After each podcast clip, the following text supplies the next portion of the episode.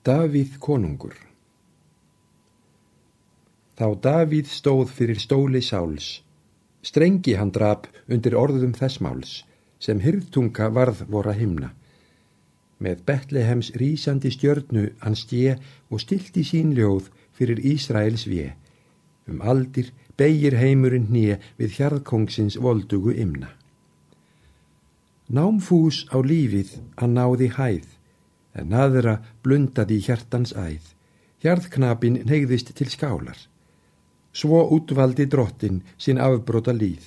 Hans ætlun var heildjúb, til sigurs þarf stríð og yðrun krefst syndar um eilífa tíð, svo ávastist pundið sálar. Já, Davíð var herra vors heilaga lands, svo hátt gnæfði bragur og vilji þess manns, að dáðust drottnarnir sjálfur. Hans bæn flutti hásöng af lifandi list sem ljóðbylgur risti á höfum ist. Nú jarðsingja trúna á jafi og krist, játendur veilir og hálfir. Yðrun er kraftur, hún krefur til hljóðs og knýr þá dýfstu strengi til óðs sem viðbóðum hjartnanna varpa. Sál verður ljósblind í sólargeim en syndarinn týndi leitar heim. Hann föður höndum er tekinn tveim, þá tóna á Davís harpa. Oss dreymir í hæðunum hörpuslag, er hrinur í einu sem kór og lag, af setning samhljóms og rattar. En jörð verður stjarna heilug og reyn, þá hafdjúpsins mál talar bára ein, og undir þar tekur stinn við stein, uns strandir til hljóðs eru kvattar. Orðvald er dánarheims dýrasta snild. Hún dregur sinn knör fyrir utan fyllt á ginnungasægin svarta.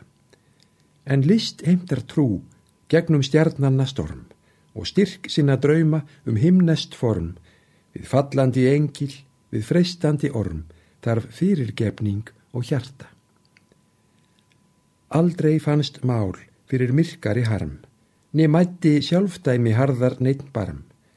Hans sál leita í sólina bjarta. Af þrúu við battan sér þyrnikrans, þegnin guðs og konungur lands. Vínhelið ríkti á valdstól þess manns, sem var eftir drottins hjarta. Hvað skín yfir sofandi barðsins brá? Hvað byrta oss draumar, sín og spá um líf allra stjörnurlanda? Mun jarðskólin storkna við reglur og rít, Það raunheimur skerðir sitt eigið vit. Við finnum aðeins sem fjarlægan þitt af flugtökum harri anda. Ljóð er það eina sem lifir allt. Hitt líður og týnist þúsundfalt. Uns hel á vorn heim að svæfa. Orð eru dýr, þessi andans fræ, útsáinn dreifð fyrir heiminn blæ, sem fljóta á gleimskunnar sökvi sæ um sólaldir jarneskra æfa. Þá hágöfgast maður í menningar heim, er manið frjáls býður eining af tveim, syngd við þann síð er við er tókum. Útvaldi söngvarinn saltarans, syndi eiglablögum eten bans, sjálfsköpuð þján, bæði þjóðar og manns, skal þurkast úr lífsins bókum.